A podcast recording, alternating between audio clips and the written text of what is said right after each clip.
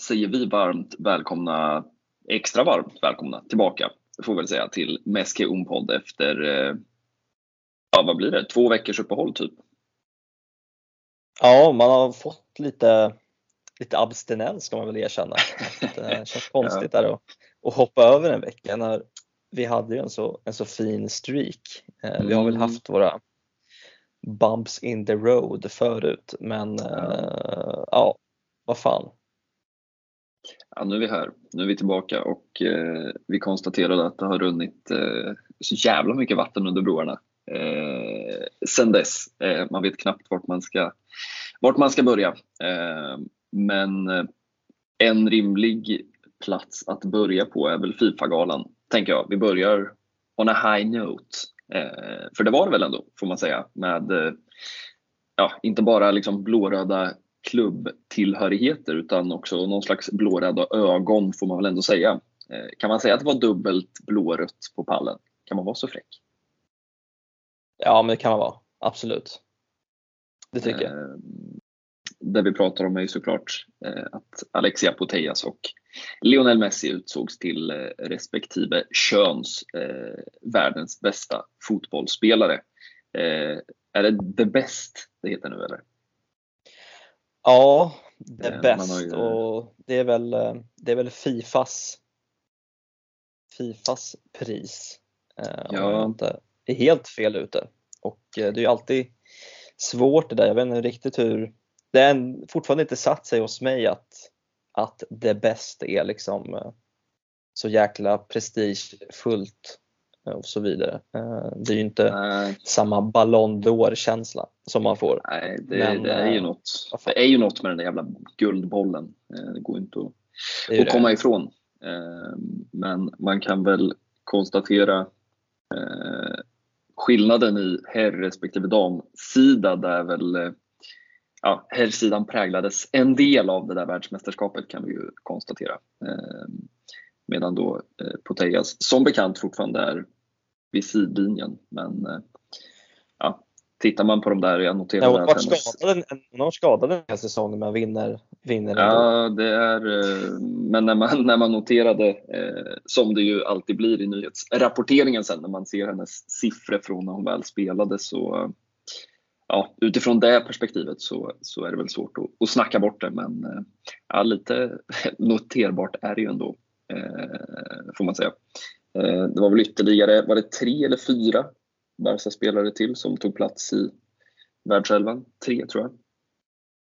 Mm, eh, det inte var väl eh, Mappe Leon och nyförvärvet Lucy Bronze där som hade ett, Ja, ett fint eh, EM på, på hemmaplan i somras. Mm. Ja, lite svårt att claima kanske en blåröda påverkan på, från henne där. Då. Eh, jag vet inte, på, på herrsidan var det väl inte så mycket att snacka om. Eh, alltså, skulle Lewandowski ha tagit en plats? Ja, högst tveksamt, eh, antar jag, med tanke på Men den de, ja, Champions League. de körde väl också någon riktig, någon riktig oren liksom 3-3-4 uppställning eller Ja. jag så, ja, liksom, fyra anfallare. Det är liksom, nej, bara där kan vi nästan bygga av det bäst. Ja, nej, det var ju fruktansvärt. Jag vet inte vilka var det som skulle in. Messi, Mbappé, Benzema, Haaland också eller? Ja, han måste väl ha varit nummer, Nej, för jag, ja, jag fastnade också på den där. Eh, Det är väl inget nytt att de, det känns som att det har gått en trend i att de liksom har börjat skippa ytterbackar typ. Eh, Mm. Tillbaka. Men eh, ja, den där 3-3-4, det känns i och för sig som något som Pep skulle kunna ställa upp med i någon ligafight mot Southampton hemma. Men Ja, verkligen. ja, de där galorna är väl vad de är men ja, det är alltid, alltid kul att se eh, blåröda framgångar eh, premieras i de där sammanhangen. Eh, även om vi väl såklart väntar på den där guldbollen. Eh, finns väl någon slags hierarki i de där galorna också. Men vad fan. Ja, det ska väl inte ta, det ska inte ta så många år innan Pedri och Gavi slåss om de där mittfältspositionerna i alla fall. Nej, man tycker ju det. Eh, sen får vi väl se om de ska fortsätta spela 3-3-4 så blir det väl tufft för en Balde på vänsterkanten där. Men eh, vi får väl se vad han kan, vad han kan hitta på. Eh, vi måste väl eh, liksom dra igång det här jävla kugghjulet och börja prata om alla dessa matcher. Eh, vi ska väl göra vad vi, vad vi kan för att hålla, hålla oss inom någon form av rimlig tidsram här. Men eh, jag vet inte vad, hur, eh, man får väl nästan prata i de termerna. Alltså hur minns du den där Europa League-returen mot eh, United? För det känns ju som ett halvt liv sen. Ja, verkligen. Uh, jag, jag minns det som att när, när den där slutsignalen gick så var det väl ändå någon form av lättnadens suck som man, som man kunde dra.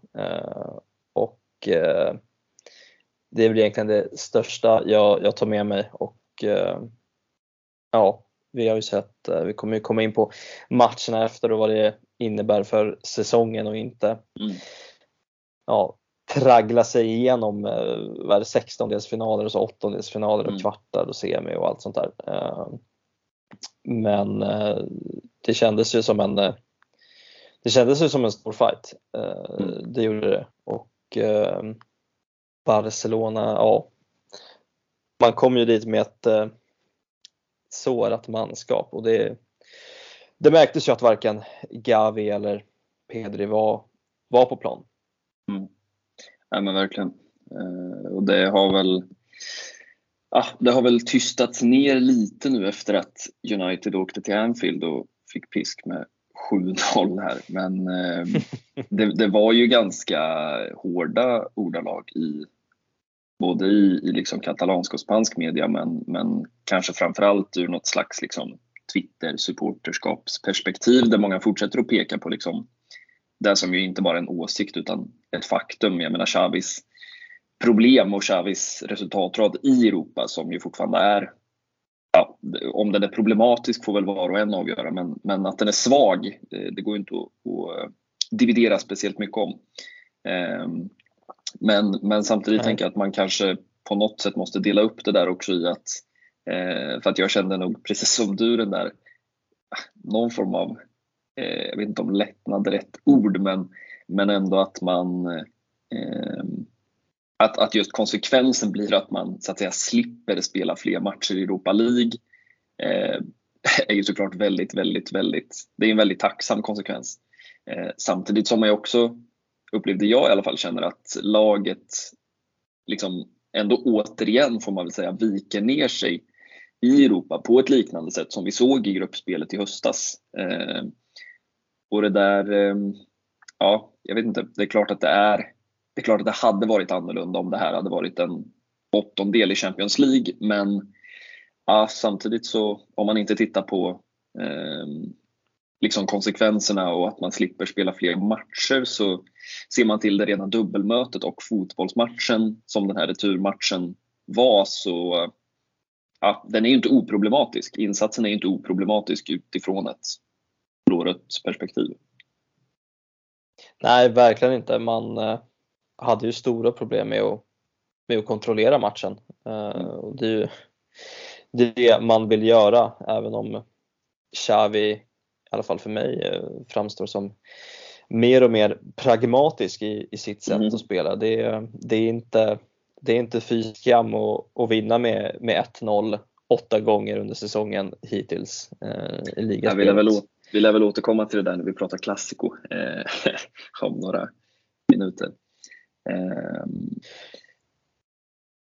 men, eh, men som sagt, eh, det känns väl ändå som att den stora, stora vinsten någonstans är att man slipper, eh, vi pratade om det här innan, vi slog på mikrofonen att man både för laget och för vår skull som ska podda lugnt nästa vecka har vi tänkt när det är spelledigt. Man får en spelledig liksom vardagsvecka ehm, och det har man ju den här veckan också. Och ehm, ja, det är klart att det kommer bli flera sådana veckor framöver nu under våren. Eh, det är ju det där klassiko, den där klassikoreturen som ska spelas i, i Copa del Rey men, men annars är det ju bara ligafighter kvar. Eh, och eh, det är klart att det där kommer att spela in. Nu ska man väl inte säga allt för mycket eh, med tanke på vad Liverpool verkar koka ihop för tillfället. Men, men man får väl ändå säga att det är väldigt, väldigt, väldigt mycket som talar för att Real Madrid ska spela åtminstone kvartsfinal i Champions League och det är klart att det kommer att påverka deras eh, både inställning och möjligheter till att prestera i, i ligaspelet. Eh, vi ska väl återkomma lite till det där spelschemat för blåröd del framöver också. Eh, men jag vet inte, det, det, känns också som att, jag vet inte om man ska säga så mycket mer om United-matchen. Eh, det känns som att det alltid, man landar alltid att det tycks väldigt mycket från alla möjliga håll och till slut så vet man inte riktigt själv vad man tycker. Eh, känns det som. Nej men lite så, verkligen. Eh, sett över dubbelmötet så är det ju två, två ändå, ändå jämna fighter där, mm. där Barca kanske borde ha tagit den där, den där segern på hemmaplan för att ja, åka upp till, till Old Trafford och, och promenera därifrån med ett avancemang. Det, det, det gör man ju inte liksom. Uh, inte med, med de spelartappen som, eh, som, eh, som Barca har också. Eh, sen, ja, jag, jag fattar ju diskussionen kring, kring Xavis Europafacit. Mm. Men jag känner också att det har varit, som du säger, det, det, det, har varit så, så jäkla hackigt och det är liksom det är Europa League, det är Champions League. Han, han kommer ju in mitt i, efter, efter Koman där och mitt i ett mm. eh, CL-gruppspel och ska försöka rädda det som räddas kan mot, mot ett eh, benhårt Bayern München och, och, så är det Europa League efter det och, och det slutar med någon, någon riktig liksom, mental kollaps. det, det är fortfarande det är oförglömligt att liksom hela kampen är och det Ja, och det, det satte liksom prägen på, på, hela den, på hela den matchen. Och, ja. Mm. och så kommer man nu till den här säsongen och återigen, vi, vi har ju pratat om det tidigare att man hade så stora problem mot storlagen. Mm. Men den här säsongen, eh, vad har Xavi? Fyra, fyra av sex klassikosegrar och man har besegrat eh, Atletico de Madrid på, på Wanda och man har ändå tagit steg där.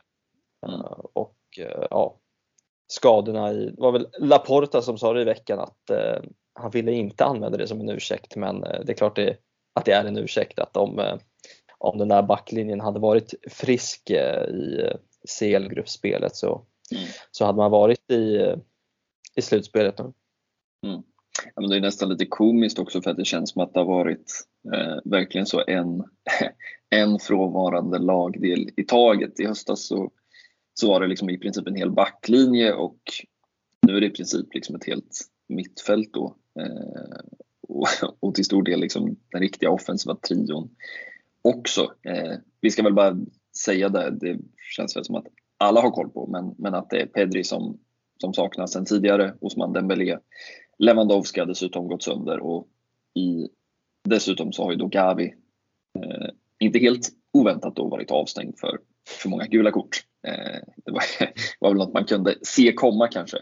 Eh, och nu saknas ju dessutom då Araujo till eh, ligamatchen här mot Athletic Club. Eh, tacksamt nog klarade han sig ju med en match, eh, vilket väl liksom är enligt regelverket men eh, ja, det kunde väl ha blivit två. De ska väl på något sätt avgöra där i domarrapporten hur, vilken typ av, eh, av rött kort det rör sig om. Eh, och eh, ah, det var väl inget rött kort av det fulare slaget, så kan man väl inte påstå. Utan det känns väl ganska rimligt och framförallt tacksamt med, med en match där. Men, ja, men som du säger, ja, ja, jag hör dig nog om, om Xavi. Om man, det blir ju lätt att man hamnar i de där, jag menar sätter man upp en resultatrad i Europa för honom i siffror, eh, det ser ju inte så jävla kul ut. Men, men det är klart att om man sätter det där i, i kontext så ja, då blir det ju något annat. Eh, sen tror jag inte att någon, varken Vila, Porta eller Xavi, eh, kan se på just det där gruppspelet och kanske framförallt matcherna mot Inter som någonting annat än eh, ja, två stora fiaskon över 90 minuter. Eh, mm. Tanken bara slår mig att det är en Gerard Piqué som spelar huvudroll i, i en av matcherna där. Det, det känns också som, som ett annat liv. Ehm, men eh, ja, vi stänger väl den där jävla Europa League-boken för den här gången. Och eh, jag vet att vi satt och sa där förra våren, eh, bland annat då efter den där vita chocken på Camp Nou att ja, nu, nu har vi stängt Europa League-boken för den här gången. och sen stod man där igen. Så att vi, vi ska väl inte ja, vi ska väl inte säga för mycket för sen kommer den där ja, Vi kan hemska... ju inte lova någonting. Vi kan ju inte lova Nej, men sen kommer den där hemska liksom Champions League-dragningen och eh, så har man, inte vet jag, det blir väl Bayern för så tredje året i rad och så någon liten härlig uppstickare och så tre skador och så står man där igen. Eh, men eh, ja, vi vågar väl, eller vi vågar, vi lovar, lovar väl att stänga den fram tills åtminstone då ja, vad, vad, blir det, sent i november. Eh, ja, gärna längre än så. Alltså. Men, eh, eh, ja, man, ska inte, man ska inte säga för mycket, eh, det har man lärt sig vid det här laget. Eh, men eh, ja, jag vet inte vad vi riktigt ska, ska följa upp med i och med att laget då bestämde sig för att följa upp det men det är väl bland det svagare man har sett under Xavi. Den där ligamatchen mm. mot Almeria. Eh, jag, vet, jag, vet, liksom inte riktigt vilket ord som är, är bäst men, men det såg väldigt både lojt och jag vet inte, är liksom oinspirerat rätt ord? Ja, en, en icke-prestation liksom. Och. Det är som du säger, det kan vara liksom botten, bottennappet. Eh, och eh, ja, jag vet inte. Kollar jag, kollar jag resultaten liksom, så känns det som en, som en klassisk baksmälla man, man åker på där. Liksom, att man har, mm. ja okej, okay, man har torskat mot, mot United. Såklart att de vill ju vinna, vinna en sån match. Eh, och så kommer man ner till, till lilla Almeria och eh, ja, inte alls kommer upp i nivå. Liksom. Nej, det kändes eh, lite, lite som att vara tillbaka på, på eh, den där Ronald Koeman-hösten där man, där man kunde se en Barca-match mot, mot den typen av gäng och känna att eh, ja, det är inte så mycket som talar för att, att det blir ett, att vi får med oss ett resultat. Alltså lite den, man ska inte liksom måla fan på väggen men, men eh, nej, det var eh, ett energilöst eh, Barca som klev ut. Och man ska väl också, det är väl också lite lättare att sitta nu antar jag och titta tillbaka på den där matchen. Eh, eftersom man har fått med sig då två resultat sedan dess. Men tror att man ska komma ihåg att, att göra den där prestationen, alltså att åka till Old Trafford och hur man än vänder och vrider på det då ändå åka på liksom en, en jävla spark och så veta att det är ett klassiko som väntar och man ska bara liksom städa av Almeria och så går man och gör ja, en av säsongens absolut sämsta insatser. Och att därefter kliva in i ett klassiko. Ja, man kände sig ju inte överväldigad eh, de där dagarna innan, innan den första Copa Nej, och eh, då ska man väl ha med sig att eh, Real kryssade i det där mm. stadsderbyt eh, och man hade ju chansen att, att göra ett riktigt ryck. Mm. Men eh, inte ens det kunde ju inspirera laget till att, till att piska upp någon form av någon form av liksom, ja, någon form av jävla prestation liksom. För det, det var ju så himla platt på alla nivåer. Det, ja. Nej, det, är inte... det, är väl, det är väl den den här matchen och sen eh, kommer, kan det vara förra säsongen när, när man åker ut till Getafe där i slutet, mm. näst sista matchen kanske och det är liksom man möter ett lag som inte heller vill vara på plan. Eh, även om såklart det är den stora skillnaden mot, mot Almeria i det här fallet. Men där man där det inte är någonting liksom. Det är, mm. är absolut noll. Nej, man ska väl också någonstans komma ihåg, för nu är man så inne i det här, liksom, hur ska man ersätta Lewandowski? Men Lewandowski spelar ju den här matchen. och det har man nästan glömt och det säger väl ganska mycket om ganska mycket. Jag vet inte om vi ska ägna bara någon minut åt och ändå, det blir lite skevt i och med att han har varit skadad liksom så i nutid men, men ehm, det, det har ju sett eh, eller det har väl funnits anledning att liksom ändå resa ett frågetecken för honom egentligen för insatserna liksom sen alltså det här året, sen efter VM-uppehållet. Ja, verkligen. Eh, även om man har gjort ett mål här, ett mål där så i Amerium att det rent spelmässigt har har absolut blivit en, en försämring efter, efter det där världsmästerskapet. Eh, och vad det, det beror på är, är, svårt att säga. Jag vet inte om, om det har med, med Xavis taktiska förändringar att göra. Att, eh, att det blir svårare att, eh, att komma in i spelet. Men samtidigt med en, med en extra mittfältare så kan man ju tycka att, att, det, vore, att det vore lika att det vore kanske enklare men eh, det kanske är den där vänsterkanten som har spökat att eh, det är där han, han är mycket på plan eh, mm. och när inte den har, har funkat eller ens existerat mer eller mindre så, så har han blivit en av de som har fått, fått betala någon form av pris. Ja, för det känns ändå som att det är någon någon typ av förändring. Eh, det är väl intressant att titta på ganska många spelare. Det kändes väl som att kanske framförallt Jules Condé hade någon form av reaktion, en förståelig sådan får man väl säga. Eh, där i, i liksom, ja egentligen kanske hela januari. Eh, medan tittar man på en sån som Ronald Araujo som tack och lov då också på, på VM och gjorde rehab och kom hem hel och ren. Han har ju varit liksom i, typ i vanlig ordning så länge han spelar lagets bästa spelare eh, sen 2023 drog igång. Eh, men, men det är väl svårt att applicera det där på, på Lewandowski för att jag menar visst han bar i vanlig ordning Polen på sina axlar. Eh, men det är inget nytt och inte heller så att Polen spelade någon VM-final direkt utan han, han har ju ändå haft tid på sig att eh, att göra sin rehab, att fira sin polska jul. Eh, och eh, ja, någonting känns det som att eh, det är som inte riktigt lirar boll och eh, med det här sagt så kan man väl, bara om vi ska fortsätta eh, på det individuella spelarspåret, så kan vi väl konstatera att det har inte sett så mycket bättre utan honom. Eh, för att jag, jag, vet inte riktigt hur man ska beskriva Eh, visserligen gjorde Ferran Torres en fin insats där ute till höger eh, när han väl fick spela där.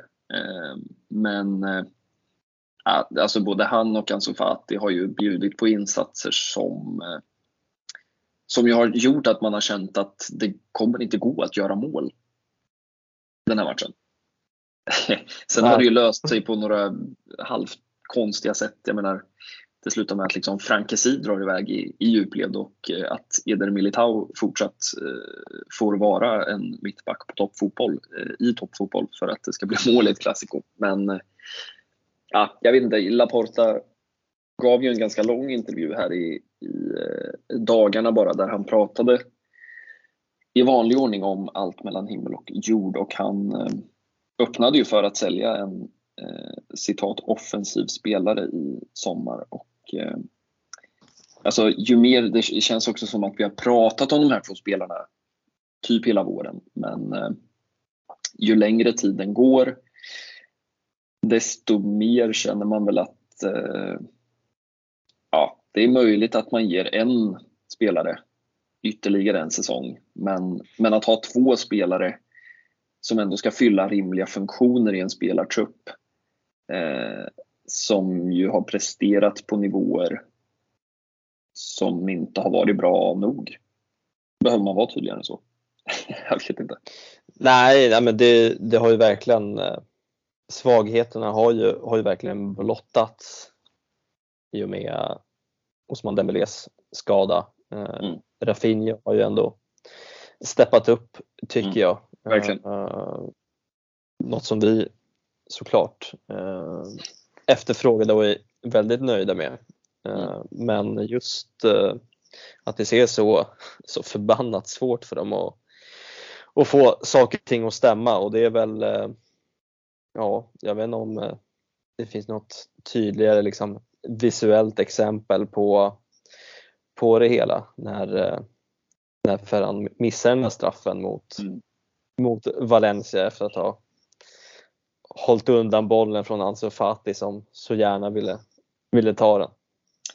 Ja, nej, det kändes poetiskt. Eh, liksom redan där och då man, man kände vad som var på väg att hända. Eh, att få, få lite samma vibbar eh, för att prata väldigt närtid med Kai Havertz och Ferran Torres. Eh, nu ser väl Havertz ut att kanske kunna vända sin situation i Chelsea men, men det, på vissa spelare så det liksom syns så oerhört tydligt. Ehm, och Ferran uppenbarligen är väl en stereotypen av den där spelaren som, som bygger så stora delar av sitt spel på självförtroende. Och eh, ja, när det inte finns där så då är det inte mycket som funkar. Och ehm, sen ska vi väl vara också ärliga, just på tal om den där högerkanten där han ju, och det är väl ytterligare ett problem, jag tror att vi har pratat om det förut, att man har Ferran Torres, man har Ousmane Dembélé och man har Rafinha som alla vill spela på den där högerkanten.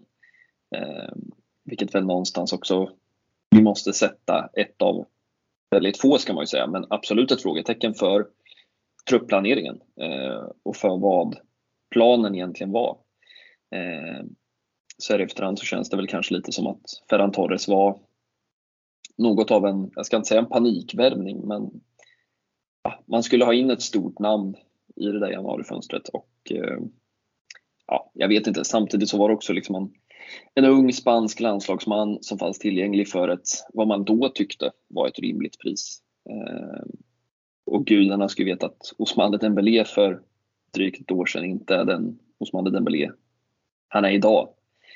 Eh, Nej. Frågan är väl snarare kanske varför man valde att plocka in Rafinha i somras. Eh, inte för att Rafinha på något sätt har varit en dålig värvning eller för att han har gjort alltså dåligt ifrån sig. Han har väl inte varit en omedelbar succé men med tanke på att det är ett nytt land, en ny... Han har aldrig spelat i en stor klubb förut. Eh, så får man ändå säga att han, han liksom har gjort en, jag vet inte om man kan kalla den godkänd, men en förståelig debutsäsong. Eh, kanske är rätt ord. Ehm, men med det sagt så ehm, kan man ju fråga sig om det var rätt att lägga 70 miljoner euro på en högerytter ytter eh, i somras. Ehm, när man ser på truppen just nu så, så har man ju lite svårt att, att köpa den idén. För precis som du sa, det har ju blottat sig något oerhört att den där offensiva bredden och de spelarna som inte ingår i den där galaelvan ja, när, när det inte handlar om att de får chansen utan när det handlar om att de ska bära den där offensiven eh, ja, då har det ju sett eh, riktigt mörkt ut alltså. Ja, det, det får man säga. Eh, och angående Rafinha, vet man, det känns som att de väl hade någon förhoppning om att han skulle funka där ute till vänster. Mm, eh, det är sant det, han, han, han fick ju, det var ju där han, det var den platsen han fick i, mm. i början av säsongen men mm. ganska snabbt så insåg ju man att, uh, att det, inte, det där kommer inte alls att, att funka i längden. Liksom. Mm. Nej, det har du helt rätt i faktiskt. Det har man nästan glömt. Uh, innan Xavi kom med sitt fyrmanna upplägg. Uh, jag vet inte ska, om man ska säga något om, om eh, Ansu Fati också. Eh, för att det, det, känns ändå som att Ansu och Ferran på något sätt är varandras likheter i den här situationen men, men också lite varandras skillnader och, och det är väl ändå att jag ändå upplever att man har sett Ferran Torres kunna fylla någon typ av roll han kan absolut inte spela nia i ett Barcelona som ska spela mot ett tufft motstånd. Eh, det, har ju liksom, det är ju fullständigt uppenbart men, men skillnaden är väl ändå att man har sett att han kan liksom vara konstruktiv och fylla en roll i en trupp så länge han får spela utifrån sina styrkor. Skillnaden är väl att Ansu Fati just nu inte visar någonting överhuvudtaget. Nej. Nej, det... Alltså om man, om man ber någon att sätta ihop ett, ett liksom sammandrag på hans minuter liksom den senaste månaden. Det, det är ju jävla ledsamt att säga men det finns ju inte en enda aktion han skapar eller är inblandad i. Som det, det, han sätter ju inte ett, det finns ju inte det minsta liksom tillstymmelse till att han sätter avtryck på en fotbollsmatch. Eh, och sen hur mycket det är liksom hans individuella ansvar och lagets ansvar. Ja, den procentsatsen får man ju låta vara osagd men ja, det är ju det är väl bara att konstatera, precis som vi har pratat om liksom hela våren, vi har väl någonstans byggt upp det här att hur länge kan man ha tålamod? Hur länge, hur länge kan det se ut så här? Eh, och eh, det blir väl ganska tydligt att när väl, precis som i fallet Ferran då, alltså när det väl handlar om att inte ge chanser utan att de måste ta chansen. Ja, det har blivit ganska tydligt att, att det inte räcker till. Nej, verkligen. Det är en riktigt, eh, en riktigt deprimerande situation liksom. Eh, med just Anso och eh, ja, det är inte många, den Youtube compilation videon blir är inte jättelång. Tyvärr. Det är väl 14 sekunder eller något, eller något i den stilen man kan rafsa ihop. Mm. Ja, men det blir, det blir spännande nu i slutet av säsongen när man, som du säger, man kommer ju ha en, en match i veckan eh, mm. i princip eh, säsongen ut. Mm. Eh, och eh, ja, då det finns ju inte man kan ju inte kasta om älvorna hur som helst eh, lika mycket som om, mm. som om man har eh, tre, fyra matcher under en under en två veckors period liksom. Där det är befogat att, att kasta om och rotera. Nu, eh, nu kommer ju inte det ske på samma sätt och jag tror inte Xavi kommer att rotera rotera truppen, startelvan, särskilt mycket tills den där ligatiteln är, är liksom matematiskt eh, säkrad. Han, eh, han vet vad Real Madrid är, är kapabla till och om man inte gör jobbet själv så, så kommer det komma tillbaka och, och bita en. Liksom. Mm.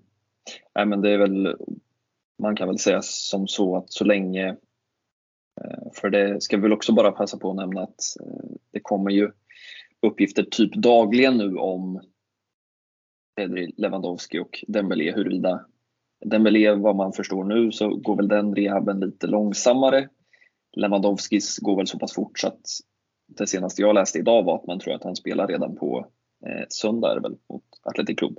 Mm. Medan Pedri sägs väl stå och väga någonstans däremellan Atletic Club och Klassikot.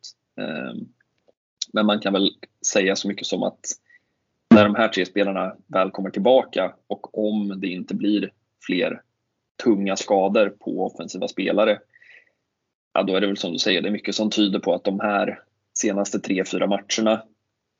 Det var Ferran Torres och Ansu Fatis chans den här våren att verkligen sätta ett avtryck. Och eh, det har de ju gjort, men de har gjort åt fel håll. Eh, så mm. mycket kan man väl, kan man väl konstatera. Eh, och eh, det är väl inte sista gången, vi ska väl gå vidare. Eh, det är väl inte sista gången vi pratar om dem, men eh, det finns väl också en, en del i det, kanske framförallt hos Ansu Fati, där man Ferran känns väl lite säkrare i, sin, liksom, i sitt fotbollsanseende runt om i, i Europa. Det känns väl som att det finns en prislapp där som, som sitter ganska högt oavsett.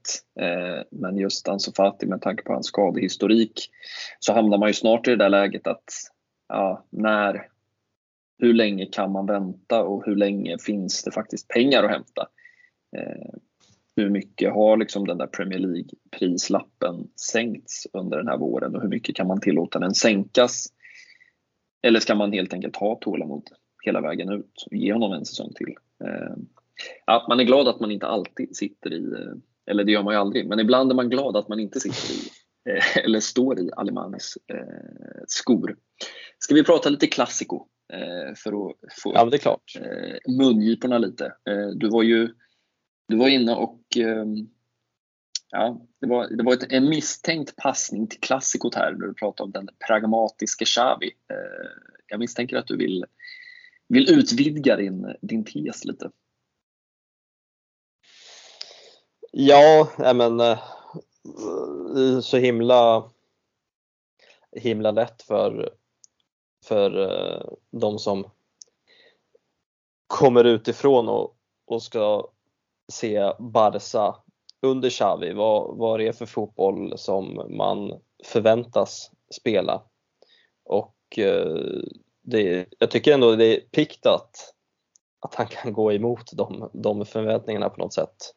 Mm. För visst, visst har man fortfarande tiki-takan i det där DNA, i det där blodet. Eh, men eh, den här säsongen, ja, det där, den där backlinjen alltså, det, det öppnar ju upp eh, det öppnar upp många dörrar och fan om det inte var någon jävla nästan någon form av smash and grab, bara in och, och ta den där segern och ut genom någon, någon liksom någon räddningsutgång liksom längst bak mm. i, i det där i, på Santiago Bernabéu. Ja, nej, man kan väl bara konstatera att eh, jag har i alla fall inte sett ett klassiko eh, under min livstid tänkte jag säga, men under min, åtminstone under min fotbollstittartid. Eh, och det säger ju statistiken också, det var väl det lägsta bollinnehavet Barca har haft sen då Pep Guardiola tog över sommaren 2008. Eh, och det börjar ju bli ett par år. Eh, jag vet inte vad man var nere på, 36-37 procent tror jag det slutade på. Eh, och ja, 35 ju, 35, ja men det är ju liksom ja, jag vet inte om man kan kalla det historiska siffror men, men det är ju häpnadsväckande siffror. och ja, som du säger, det var, jag skriver under på att det var en, en smash and grab.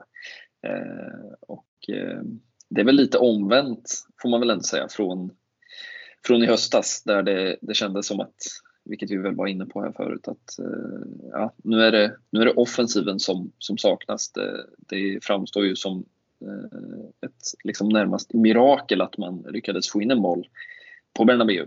Eh, samtidigt som den där backlinjen då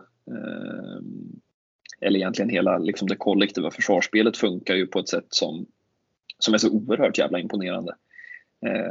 Och vi ska väl också notera att man var tvungna att, att sätta Kristensen på bänken på grund av någon typ av känning. Eh, och återigen notera då, eh, på tal om iskalla, fina Barca-talanger, att Erik Garcia utan tvekan kommer bakom Marcos Alonso i i rangordningen. Och ja, vi ska väl också notera att, att Marcos Alonso gjorde ett jävla fint klassiko.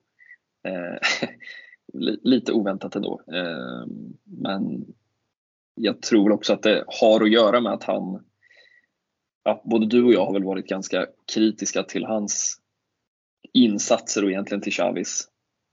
Vad det liksom framstår som väldigt höga förtroende för honom. Eh, jag, jag, tycker det är lite Clément Langlais-vibbar över honom. Eh, I det mm. att han har väldigt stora problem i att hantera den här höga backlinjen. Och det har vi väl pratat om också förut, vilken liksom extrem jävla prövning det är att vara mittback i Barcelona. Eh, det bör ju vara bland de svårare uppgifterna du kan ha i, i liksom fotbolls-Europa, typ, I guess.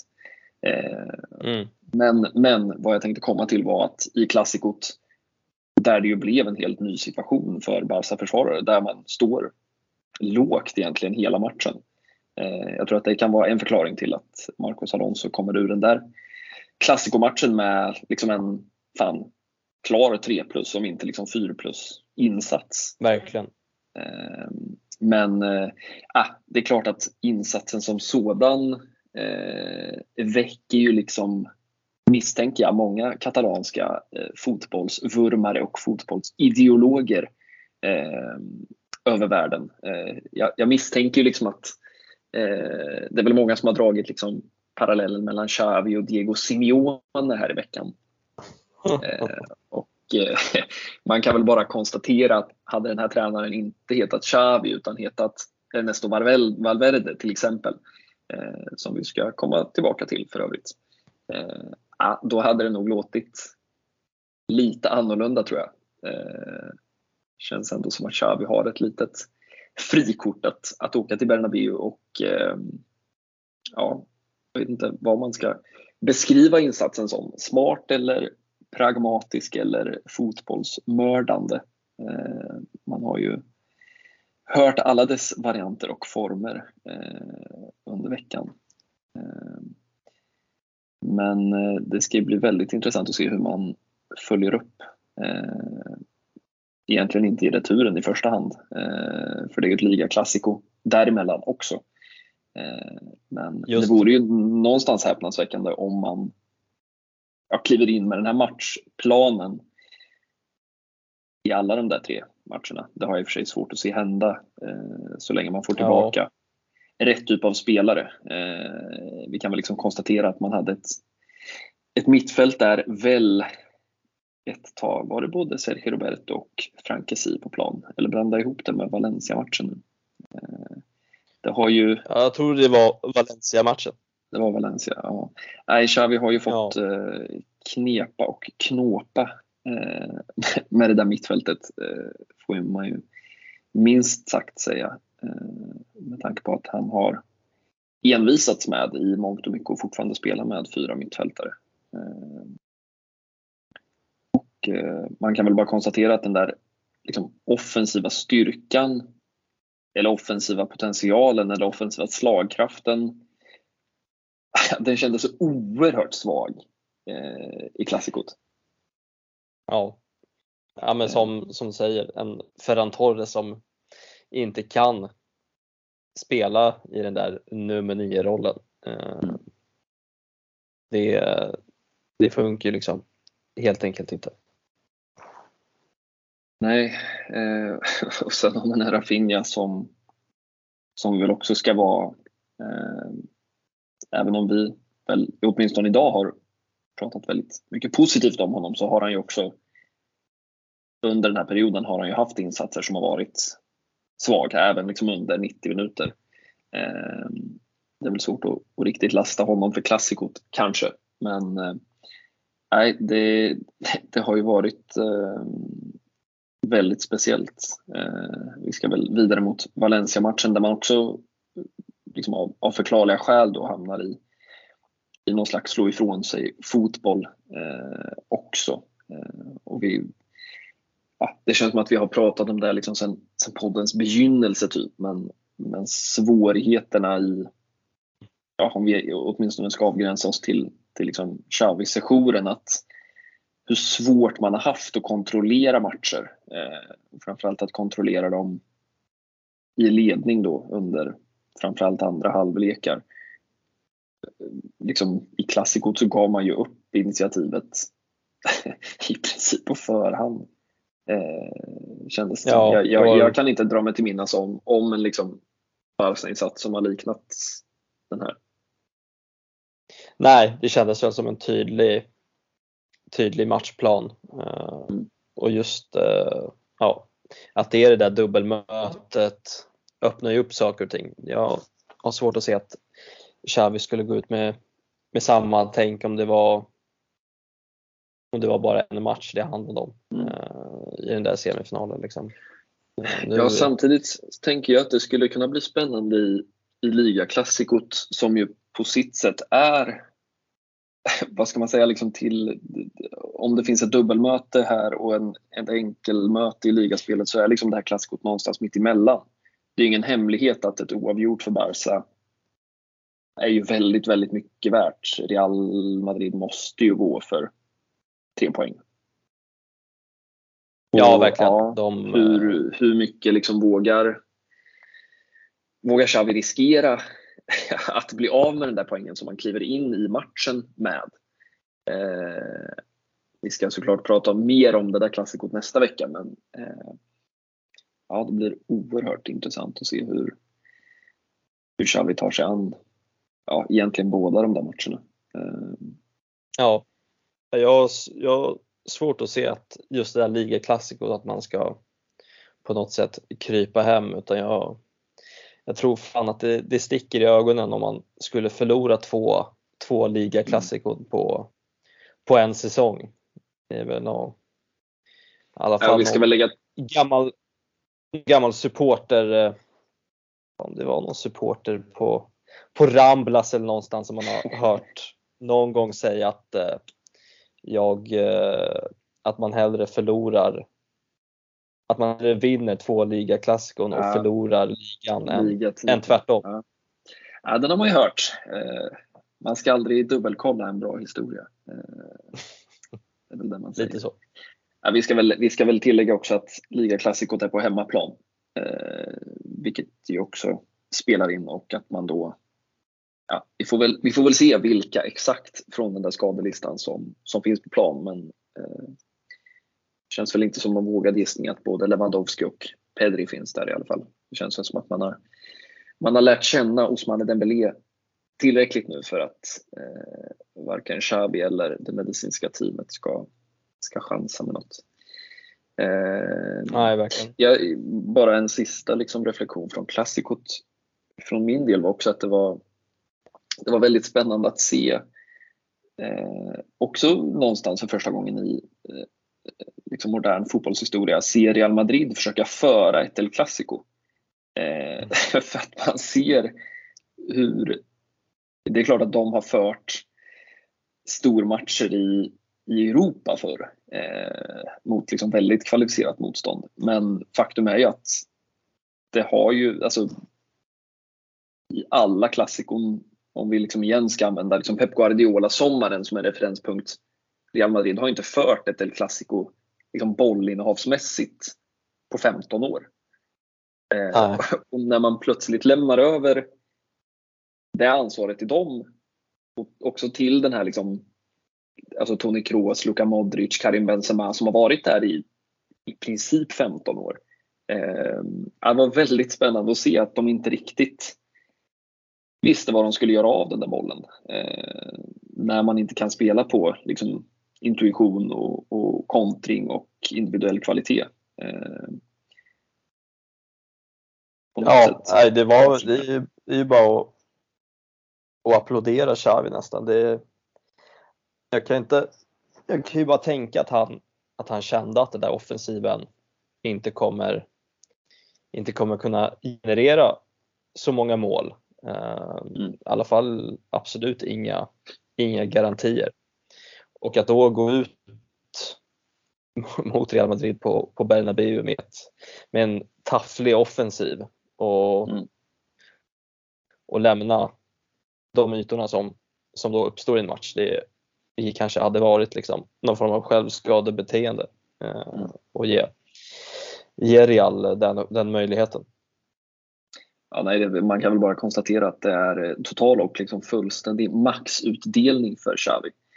Eh, det är väl egentligen där man, kan stänga, stänga allt med. Ja, det är bra Eh, sammanfattat. Sen eh, får vi väl se hur, hur den där returmatchen utspelar sig. Vi måste väl också bara, tänker jag innan vi kliver vidare, bara notera Ronald Araujos insats ännu en gång mot Vinicius Junior som jag vet, det var länge sedan man hade, jag bara liksom satt här innan och försökte liksom blicka ut i fotbollseuropa och tänka på liksom just så en individuell match i matchen som, som är så oerhört tydlig och som nu antar jag kommer att pågå väldigt många år framöver. Jag, jag kan sådär liksom, på, visst det, det har funnits liksom så, man kan väl argumentera för Messi och Sergio Ramos på sitt sätt. Eller Cristiano Mm. Ronaldo och Dani Alves men, men ja, just den här där det är så oerhört tydligt att Vinicius det finns ju i princip inte, jag menar Kyle Walker har väl försökt men, men det finns ju typ ingen högerback i Europa som någonsin har haft ett överläge, känns det som. Eh, Nej, verkligen. och nu kommer Ronald Araujo och jag vet inte vilken match det här var i ordningen. Fjärde, femte, fjärde. Eh, sen man satte ut honom på den där högerbacken. Han, man plockar ju bort Vinicius. Totalt och fullständigt. Ja, det, är, det är ju så otroligt, otroligt tydligt också att, att nu, är det, nu är det Vinicius som ska stoppas och då, Mm. då är det bara för Araujo och ge sig ut på den där, på den där högerkanten. Liksom. Mm. Eh, Det, är- det är ett så utstuderat liksom, taktiskt, taktiskt beslut som, som verkligen har, har funkat liksom, i princip eh, hundraprocentigt. Man kan väl eh, räkna gångerna Vinicius har tagit sig förbi på, på en hand liksom under, Mm. under andra de här klassikerna som de har ställts mot varandra. Ja, på, tal om, på tal om maxutdelning. Liksom. Eh, jag vet inte riktigt vad man ska säga om eh, Valencia-matchen. Eh, det, det, den, den Ja, man kan innan- börja den- med att det är liksom, ja, det är många bottnar. Ja, verkligen. Men det var ett, det var ett jäkla, jäkla mål vi fick se i alla fall. Eh, Ja. Som direkt eh, tar en upp till, till Pamplona en, en kall, eh, Mm. vad kan det vara, en kall novemberkväll liksom. Ja, det bör 2022. vara Så. Ja. Eh, ja, nej, absolut. Eh, jag tänkte börja i, i en helt annan ände och eh, lyfta frågan om Valencia är det svagaste fotbollslaget som har kommit till Camp Nou den här säsongen. Oj! Ja. Ja. Då har man liksom Victoria Pilsen. Jag ska inte svära på om Elche har varit där än, men alltså man förstår ju varför det, och sen det är klart att det ser ut som det gör just nu för att situationen är som den är. Men alltså herre jävlar vad illa det ser ut. Eh, Ja. Det, det, ja, det, med Ja, all respekt nog, för det kan nog vara så ja, men med all respekt för, för liksom också deras också väldigt, väldigt långa skadelista ska vi ju tillägga såklart. Eh, men, men det känns ju som att det kommer bli kamp om det där kontraktet hela vägen in i, i kaklet. Sevilla har ju stuckit ifrån nu. Eh, det känns väl nästan som att man kan eh, skriva La Liga 23-24 på dem. Men ja, Valencia kommer att få, få jobba för det där. Det känns det onekligen som. Och ändå så kliver man därifrån med en 1-0 seger och där man känner att eh, mm, det kunde nog ha blivit 1-1 på straff eh, efter den där Frank Kessie situationen. Ja, jag tyckte den var Ja, eh, så här. Så här. Nej, men jag tycker självklart att det inte ska vara någon straff. Eh, kommer jag inte ihåg vem, vilken Valencia-spelare det var, men han, Eh, han sökte ju den så, så himla tydligt att det för mig fanns det ingenting annat. Men eh, sen eh, vet man ju, de spanska domarna och Mm, VAR-besluten har ju tagit den på, på sängen förut. Så ja, jag tänkte liksom framförallt också på den straffen som nu ska det ju inte funka så, men, men alla vet ju att det kompensationsdöms och med tanke på den straffen som Barca tilldelades så ja, man hade inte blivit förvånad eh, om det Nej. hade blåsts. Eh, sen kan jag, jag kan ju hålla med dig om man liksom tillåter sig att utveckla sitt resonemang med tanke på eh, återigen eh, tillåter mig att hamna i Chelsea Dortmund igår och den straffen som Chelsea får med sig. Jag liksom vänder mig emot hela den här idén om att vi tillåter fotbollen att avgöra. Hur fan kan vi låta en match avgöras på att någon skjuter på en ytterbacks hand från tre meter? Det avgör liksom en hel, jag, jag, förstår, jag förstår ju att det är straff enligt regelboken. Men nej, det, här, jag, det här är en kulle jag tar kulor på. Det, är- alltså, det är för mig ofattbart. Det är någon straff City får emot sig någon säsong också. När det är Laporte som är uppe med någon hand. Och, liksom, nej, jag, blir, uh, jag blir så, och det är väl en sån, alltså den här Valencia-straffen då också som de ju mycket väl kunde ha fått med sig. Att, att liksom, ja, att domarkåren, vi ska väl prata lite domarkår och Negreira sen också. Men eh, ja, eh, det finns mycket att, att säga om det där. Men, men eh, ja, jag vet inte, sen kan man väl också dela in den där diskussionen i två delar. Eh, just den Valencia-straffen som de inte får. Att, eh, ja, är det något som VAR ska titta på? Ah, kanske inte, den är ju inte clear and obvious. Eh, Nej, det men- kändes som att domaren hade, hade ja, han var ju ganska så jävla säker. bra koll på det. Han var ju, Ja, ja, han han, var ju stensäker. sen gjorde han väl fel i att, i att döma hörna eftersom det skulle vara inspark. Mm. Men han var ju säker att det inte skulle vara straff i alla fall. Nej, det är sant. Eh, Men eh, ja, det, hade inte förvånat mig om, om man hade blåst där. Eh, Det kändes lite, som att det var läge för det. Men så blev det inte. Och ja, tre, tre pinnar som man lite, inte bara på grund av den där straffsituationen utan på grund av liksom hela insatsen, lite skämdes för att, att liksom stoppa in i den där tabellen. Det, var ju en, ja, men jag tyckte ändå att det var jag tyckte ändå att det var starkt att man efter Araujos röda kort som, ja, jag ja, vet det, det finns väl inte så mycket att säga, att säga om den liksom. Det var ju tydligt och han var ju, han var, han var ju med på noterna. Det, mm. det är ett sånt rött kort man tar ibland. Eh, mm. Men eh, fan, där och då tänkte jag man inte bara skulle, skulle låta Valencia-spelaren löpa sig fri från, från 30 meter och, och, och testa. För det är så, ja, Ja. Varför inte liksom istället för, att, istället för att dra den där utvisningen. Men, eh, men jag tyckte att det, ändå att det var ett styrkebesked att man på något sätt, det blev ju inte så jäkla spännande i slutet också. Men eh, andra hjärnhalvan säger också att det, det, är tur att man mötte Valencia i det här ögonblicket mm. för det är inte ett, inte ett fungerande fotbollslag det där.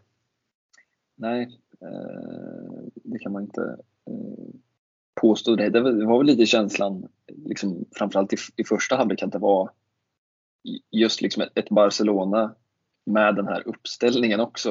Eh, nu när då Xavi, eh, det ska väl också nämna, då valde att starta både Ferran Torres och Ansu Fati. Alltså gå ifrån sin eh, tvåmanna, eller eh, fyrmanna eh, taktik.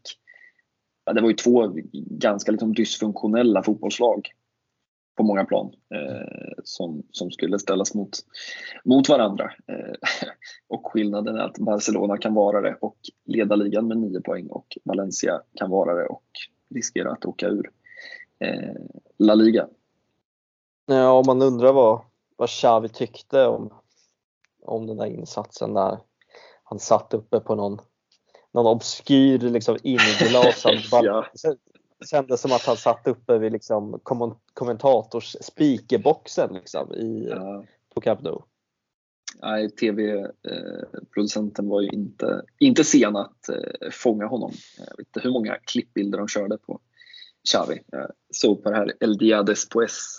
Eh, hade de typ kört hela matchen på honom. Eh, de hade bland annat eh, videoklipp på honom när Ferran Torres drar den där straffen utanför. Eh, och, eh, Ja. Jag ska inte säga att Xavi såg speciellt förvånad ut. Han såg mest eh, det var en, var en tom blick som, som ekade ut över kampen. eh, Jag vet inte om vi ska säga någonting. Vi, du nämnde det ju redan eh, här för ett ganska bra tag sedan. Men, men just den där straffsituationen som ju blev eh, någon slags, eh, ah, vad brukar man säga, liksom gör mål eller så, så kommer det skit i andra änden av, av planen. Eh, här var det ju verkligen eh, spot on. Eh, när Verkligen, det var ju, det var ju känslan och, och som du säger, man, man såg ju vad som skulle hända där när, när han så kliver fram och vill, och vill ta den där straffen. Men mm. Ferran hade väl sitt på det torra. Han eh, ja. ska väl ha varit första, första straffskytt på, på Xavis lista. Mm. Eh, mm. Och eh, ja, vill ju såklart inte släppa ifrån sig den där men att det är just de två spelarna som står där och diskuterar då, då visste man och sen, ja, alltså det är en, det är en riktigt horribel straff. Det ser man på hela, hela liksom hans eh, ansats när han liksom ska springa fram och, har någon, någon konstig framåtlutning i kroppen och så mm. träffar han bollen med hälen på något, på något sätt. Och, ja, nej, nej, det var ju bara det blir ju pannkaka av det hela. Liksom. Ja, den, den osade inte självförtroende den 11 meters parken så, så mycket kan man väl konstatera. Eh, och istället för 2-0 så har man några minuter senare 1-0 och ett rött kort. Eh, mm. Men eh, vad fan, tre pinnar igen och eh, för att dra den tredje engelska parallellen den här dagen så det väl lukta lite Arsenal om Barcelona. Det känns lite samma typer av, av trepoängare man tar med sig. Skillnaden är att liksom Barca, det är ingen som förstår hur de bär sig åt och de liksom försvarar in i, 98. Arsenal de avgör i 98 istället utan att någon riktigt heller förstår hur. Ja. Eh, men jag minns att vi pratade mycket om den där Rafinha. Vi ska väl bara notera Sergio Busquets passning fram till Rafinha också. Eh, ja, verkligen. Herregud. Oerhört, oerhört vackert fotbollsmål på alla sätt och vis. Eh, men vad som tog mig dit var ju att Rafinha gjorde ju ett sånt här ja, påpassligt nickmål eh, mot Osasuna borta. var det väl, sista matchen innan VM-uppehållet. ja, men precis. Det var den där det var den där novemberkvällen i Pamplona som jag ja. refererade ja, till innan. Just det, just det, just det. Ja, bra. Ja, men, ja, för, otroligt. Nej, men för jag vet att vi verkligen återkom till det där målet många gånger och pratade om det där just ja, det är en sån här trepoängare som, som liksom vinner ligor när vi räknar sen i maj. Eh, och de är ju fem, sex stycken nu. Utan att man riktigt ja, jag, jag, hur det går till. Jag tror jag läste mig till att eh, det var åttonde 1-0 segern i, i ligaspelet den här säsongen och den där mot Osasuna borta kanske var väl, ja men kanske en, om inte den första så den andra i så fall. Eh, ja, och det en trendsättare. Egentligen helt, ja men verkligen och följde man väl upp det, fan det, då, ja, men det måste varit Valencia borta där när man avgör i sista sekunden. Det var en, mm. en annan typ av 1-0 seger. Mm. Lewandowski som sätter den i så 93 typ. Ja, just det. Nej, det är ju... Ja, vi, vi lär ju liksom tragglar här fram och tillbaka, fram och tillbaka sen i, i slutet på maj oavsett om det blir någon ligatitel eller inte när man ska försöka förklara det här jävla Barcelona anno 22-23. Det, det, det är inte helt lätt att, att förstå sig på det här gänget fotbollsspelare eh, alla gånger. Men eh, något, någon typ av jävla grinta tycks det väl finnas där. Eh, det, en gång, två gånger kan vara en slump, men eh, ja, vad sa du, åtta gånger? Mm. Ja, det, då bör det ju finnas någon typ av eh, rimlig anledning till att det kan fungera. Eh, gång på gång. Eh, vi får väl se om det räcker hela vägen in. Vi kanske ska blicka lite framåt eh, och titta på det som, som komma skall. Eh, och det är inte vilken utmaning som helst. Eh, det är väl ja, en av säsongens tuffaste utmaningar får man väl säga på, på bortagräs. Ja, verkligen. Och det har ju varit i de senaste säsongerna.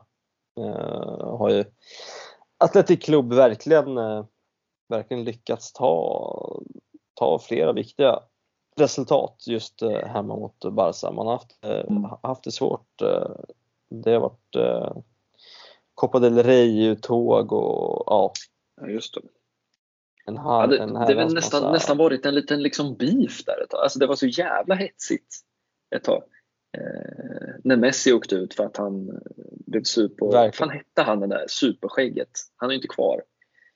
Via Libre va? Eller? Via Libre, så hette han ja. En jävla kultspelare. Jo, jo, det var han. Ja. Han lirade ju trumpet sen när de vann eh, Just det, han spelade alltid ett jävla instrument liksom efter varje serie. ja, profil på många sätt. Nej, men det blir ju ja, man vet ju vad som väntar när man åker och möter ett Ernesto Valverde lätt lag. Eh, som ju dessutom har en jävla massa individuell kvalitet. Eh, kanske större än, jag vet inte, den är väl topp åtminstone topp 5 i ligan, måste den väl vara.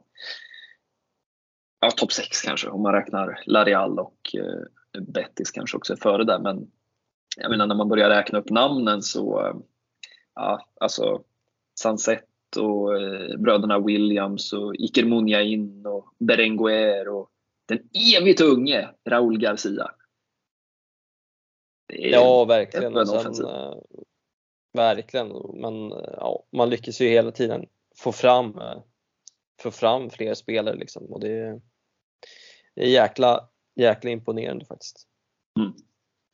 Nej, men de, de eh, i liksom klassisk Athletic Club-anda så, så slirar de ju lite i, i ligaspelet också. De har ju haft, haft svårt att, få till den där riktiga fullträffen, vilket är synd för dem med tanke på vad framförallt Sevilla håller på med den här säsongen. Det känns ju som att är det någon gång de ska knipa en sån där Champions League-plats igen så ja, då hade det varit passande. Eh, lite, lite Villarreal-syndrom över dem. Man tycker att de är så jävla härliga men ja, de kanske blir lite för, för lite ifrågasatta eh, mm. ibland.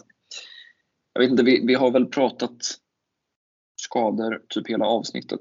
Eh, och det blir väl lite halvsvårt att, att förutspå någon, någon elva. Eh, förutom att vi väl kan slå fast att Xavi kommer gå all in. Är väl känslan. Den, frågan är väl snarare vilka han vågar spela. Eh, ja, verkligen. Det känns väl inte som någon, någon överraskning om det blir Lewandowski på, på topp. Och ja, frågan är vad han ska göra av det där stackars mittfältet. Eh, ja, inte, det lutar väl åt att jag inte, Gavi får väl kliva ut där till vänster och Rafinha till höger i anfallet. Och mm. Så får det väl bli någon Busquets, Frenkie, ja, Kessie-lösning helt enkelt. Ja, det känns som att det där är det, ja, det skulle inte förvåna om man spelar Roberto. Det är väl 70-30, 75-25 på, på Kessie. Eh, om vi inte får se mm. Pedri. Eh, men eh, det känns väl lite det hade varit mer överraskande än att se en Lewandowski i alla fall. Eh, så mycket kan vi väl säga. Verkligen. Men också att det är en jävla viktig match. Det kan man väl inte nog understryka med tanke på att det är det där ligaklassikot som, som väntar. Nio poäng ner nu och ja, en torsk nu. Jag har dålig koll på Reals schema. Det kan jag i och för sig titta upp i realtid. Ja, de, um, De möter hemma. Eh, grannarna från Cornella. Ja, det är ju inte några grannar som har bjudit på några eh, trevliga resultat mot Real Madrid genom åren, tänkte jag säga. Men vad fan, Brathwaite stänker väl in tre mål Bernabéu. Eh, men liksom, ja, går man minus tre nu då, säg att man torskar uppe i, i basken och en torsk i ett klassiskt, ja men liksom, då lever ju ligan i allra högsta grad. Då är vi nere på tre pinnar plötsligt. Eh, jämfört med att man då skulle ta tre pinnar här och ja, vi kan väl till och med liksom prata i termer om att undvika en förlust i det där klassikot. Ja, jag roade mig med att titta på det där spelschemat som är kvar och jag vet att vi har pratat om det när vi sammanfattar hösten och de liksom jävla miner som man har undvikit att trampa på. Det är ju inte mycket, alltså det är Atleti hemma, det är Betis hemma och Larial hemma. Det är de tuffa motstånden och alla är på hemmaplan. Sen mm. är det ju liksom vilket man ska ha väldigt stor respekt för ju längre säsongen går, lag från undre halvan. Eh, men eh, Verkligen. Ja, eh, klarar man Atletic Club och klarar man klassikot, ja, då är det en sensation om man inte tar den där ligatiteln. Det är ju känslan. Det känns som att vi pratar om liksom sexpoängsmatcher gång på gång. På gång verkligen som en avgörande månad. Liksom. Ja, men det, det är väldigt svårt att, att, att påstå någonting annat. Och det blir väl också ett rejält test. Liksom, ja, hur har man, eller har man tagit sig ur den här svackan? Jag hade gett mycket för att vara med på träningsplanen den här veckan och se vad, vad Xavi fokuserar på. Ehm, för när man tittar tillbaka, jag menar, vårt podduppehåll fungerar ju som en ganska bra eh, tidsperiod att titta på de här eh, vad är det, fyra matcherna va? Eh, United, Almeria, Klassikot och Valencia. Jag menar det är ju fyra, ja, det är klart att Klassikot är ett klassiko men de tre andra insatserna är ju inte alls bra. Eh, och ja, Någonstans så, så, är det väl en negativ trend som man ska försöka ta sig ur nu. Eh, och ja, Frågan är hur mycket, hur mycket grinta man har för att klara av det uppdraget. Ja, verkligen det blir spännande att se också hur han, hur han väljer att ersätta Araujo där i, i mittlåset. Om det är, mm, det är Alonso som, som, eh, som kliver ner tillsammans med, med en Christensen och en Kondé ute till höger. Mm. Ja, skulle också kunna bli Sergio Roberto till höger. Mm. Bevara mig väl. Ja.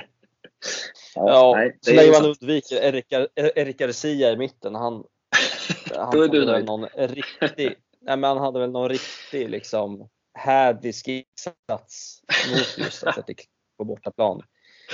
Det där första säsongen eh, när han kom och han drog väl något riktigt onödigt rött kort också och man kände bara det här kommer ju aldrig bli en. Jag kommer ihåg att vi diskuterade att det här, jag tyckte att äh, Erik Garcia är ju inte Barcelona-material liksom. Nej, man, eh, nu ska man väl inte, jag menar han är fortfarande, vad är han, 22? 23, 22. Så det finns tid att rädda det där i kanske en annan klubb ja. Barca, men, eh, men herregud vad rätt du var på det där. Eh, jag minns att jag, jag satt och, och, och ändå hade någon typ av förhoppning på att, att liksom han tillsammans med Ronald Araujo skulle kunna funka i och med att de på så fint mm. sätt liksom, eh, var varandras eh, svagheter och styrkor. Eh, men äh, på tal om, det är väl han och Ansu Fati som, som ligger ruggigt pyrt till eh, när vi liksom närmar oss. Jag tänker mig att de närmar sig liksom sommartransferfönstret med eh, någon typ av eh, fasa. Eh, men det finns väl någon Premier League-klubb som är villig att punga 20 miljoner euro för honom. kan man ju, kan man ju hoppas. Ja, eh, absolut. Ja, någon, ny, någon nykomling kommer ju vilja spendera sina, sina Premier League-pengar ja, liksom direkt.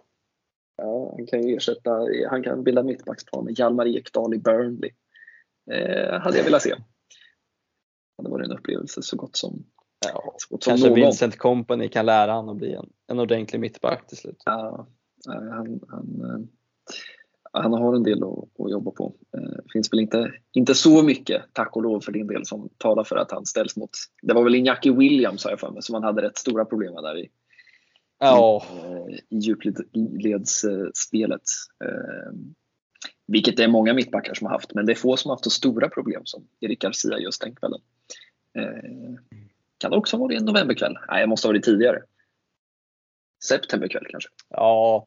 Oktoberkväll? Ja, det kan ha varit en septemberkväll. Ja, men det är kul när du säger det, för jag minns verkligen också den där matchen. Eh, som, eh, ja, det var inte hans eh, ljusaste stund i, i fotbollskarriären, så mycket kan vi väl kosta på oss att konstatera. Jag vet inte om vi ska bara nämna, och hur mycket vi har nämnt, Estanis Pedrola i den här podden. Inte så jävla mycket tror jag.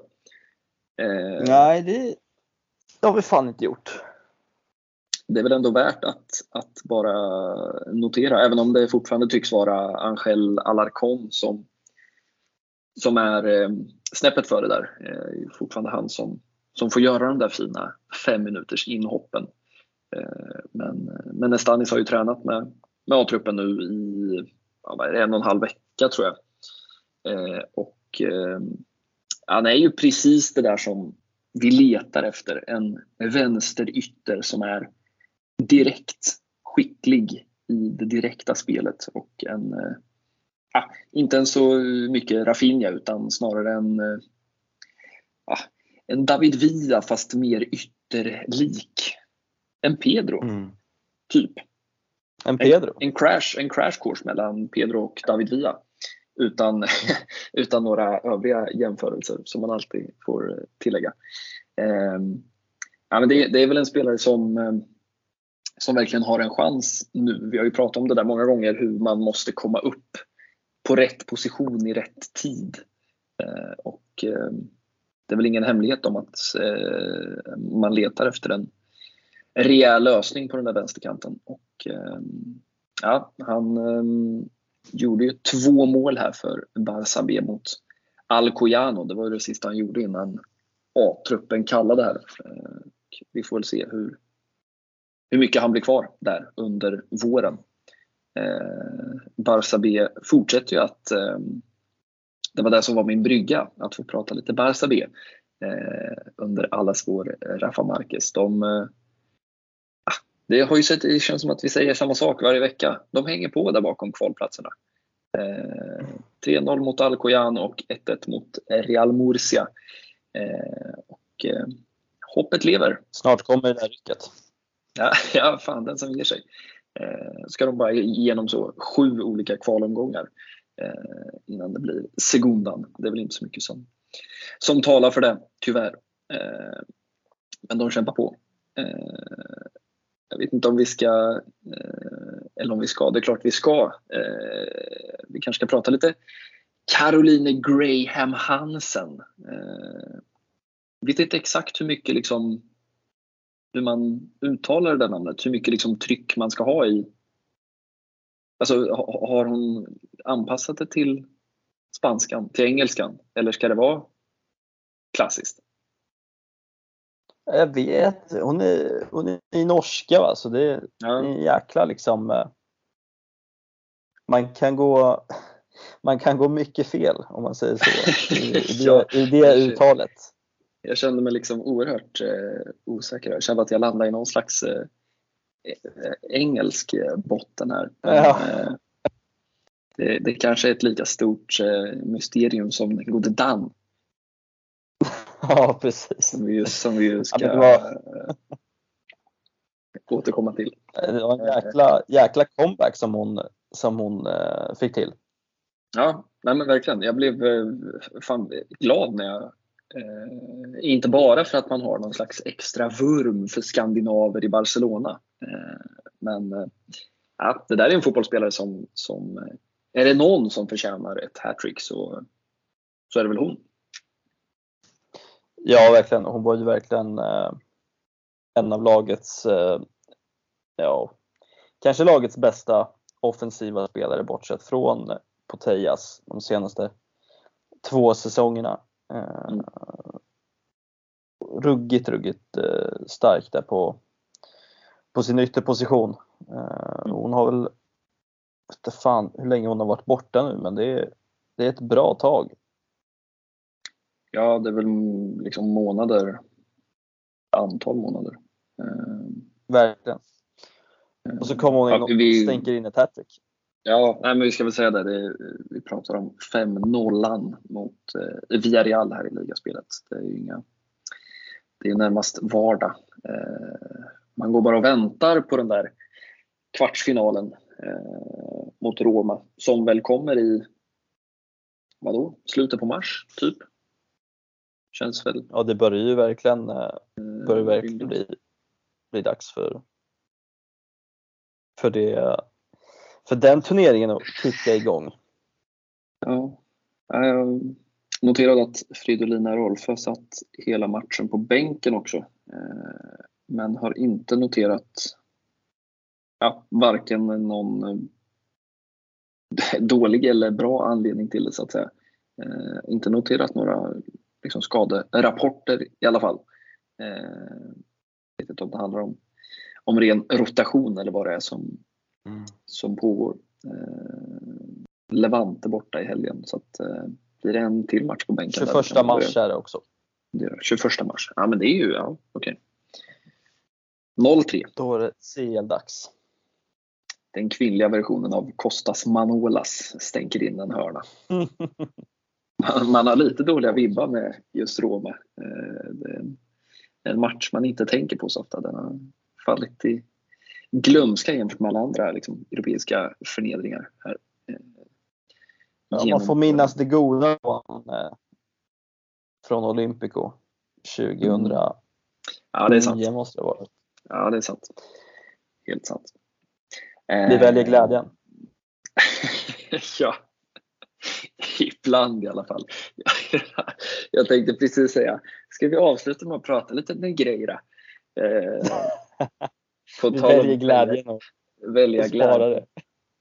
Uh, nej, jag vet inte. Vi, um, vi la ju ganska stora delar av det förra avsnittet uh, på denna mycket underliga man. Uh, och um, för den som föredrar att läsa så ägnade jag ett helt Lasset Manna Blaugrana eh, i skrivande form eh, åt honom. Um, det har inte, alltså, det, det har inte hänt sådär jättemycket. Eh, sen dess är väl liksom den korta sammanfattningen. Eh, El Mundo hade någon ny grej idag om att han skulle ha pratat något om VAR. Eh, jag, om jag förstod det rätt så, så handlade det om den perioden där samarbetet var avslutat eh, liksom inom den här hotperioden då. Eh, men, men i övrigt så, så har det inte hänt så mycket mer. Alltså det, det har väl kommit några liksom indikationer på att både Uefa och Fifa kan komma och, och, och titta på caset. Och, eh, mm. Laporta har ju, har ju fortsatt och han har inte gömt sig utan han har ju gått ut och eh, snarare bemött eh, de här anklagelserna och eh, ja, hans inställning är ju föga förvånande fort, fortsatt att, att Barca inte har någon, eh, någon moralisk eller etisk skyldighet i, i det här.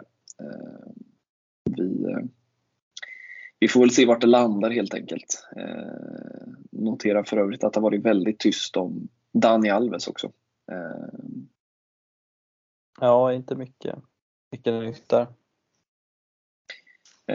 Så att jag antar att vi får låta den spanska juridiken gå sin lilla gång. Men ja, det är inte för inte som man, man känner liksom hela den här Negreira-grejen. Det känns som att den kommer att, att hänga kvar ett tag. Det var väl liksom inte svår kopplat för dem som såg Barcelona-Valencia och såg det där domslutet att börja prata om denna Negreira mm. igen. Det känns som att det kan bli en, en följetong ganska lång tid framöver. Eh, som sagt, en vacker dag ska det sitta en expert på spansk juridik här och förklara allt för oss. Eh, hur det går till. Verkligen. Där, eh, Vad de håller på med. Ja, när man, när man kan liksom förvänta sig. Det känns ofta oklart kring alla dessa tidsperspektiv. Vad är det egentligen som pågår nu?